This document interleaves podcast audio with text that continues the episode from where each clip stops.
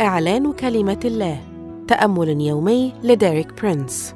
2 يوليو الاتحاد بالله. هذا الأسبوع يشرح لنا ديريك برينس أن من التصق بالرب فهو روح واحد. واليوم يوضح لنا أن روح الإنسان خلقت لتتحد مع الله.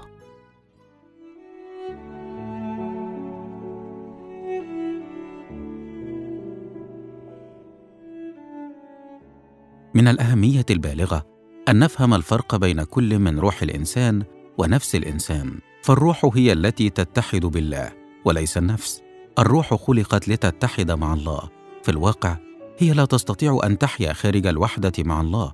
نتيجة للتجديد تكون روح المؤمن المولود ثانية قادرة على أن تتحد مع الله. لذا دعونا نستعرض التعريفات الثلاث البسيطة لكل من الروح والنفس والجسد.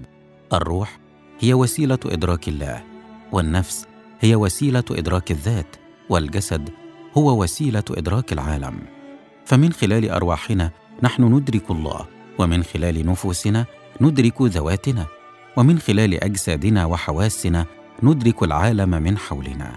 فعندما تتحد روح الإنسان مع الله وتمتلئ بالروح القدس تصير مصباحا ينير طبيعته الداخلية التي كانت وحتى هذه اللحظة مظلمة ومغتربة عن الله.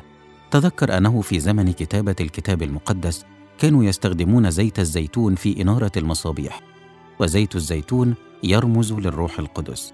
يقول في أمثال عشرين العدد سبعة وعشرين نفس الإنسان سراج الرب يفتش كل مخادع البطن. عندما يخلص الإنسان وتتحد روحه مع الله يأتي الروح القدس ويملأ جوهر الإنسان وهو روحه ليصبح سراجا منيرا ويملأ هذا النور كل ما في داخله ولم يعد يحيا في الظلمة بعد. أشكرك ربي يسوع لأنك وحدتني بك. أعلن أنه بوحدتي مع الرب وبنور الروح القدس لم أعد أحيا في الظلمة وأعلن أني التصقت بالرب وأصبحت روحا واحدة معه. آمين. للمزيد من الكتب والعظات لديريك برينس قم بزيارة موقعنا www.dpmarabic.com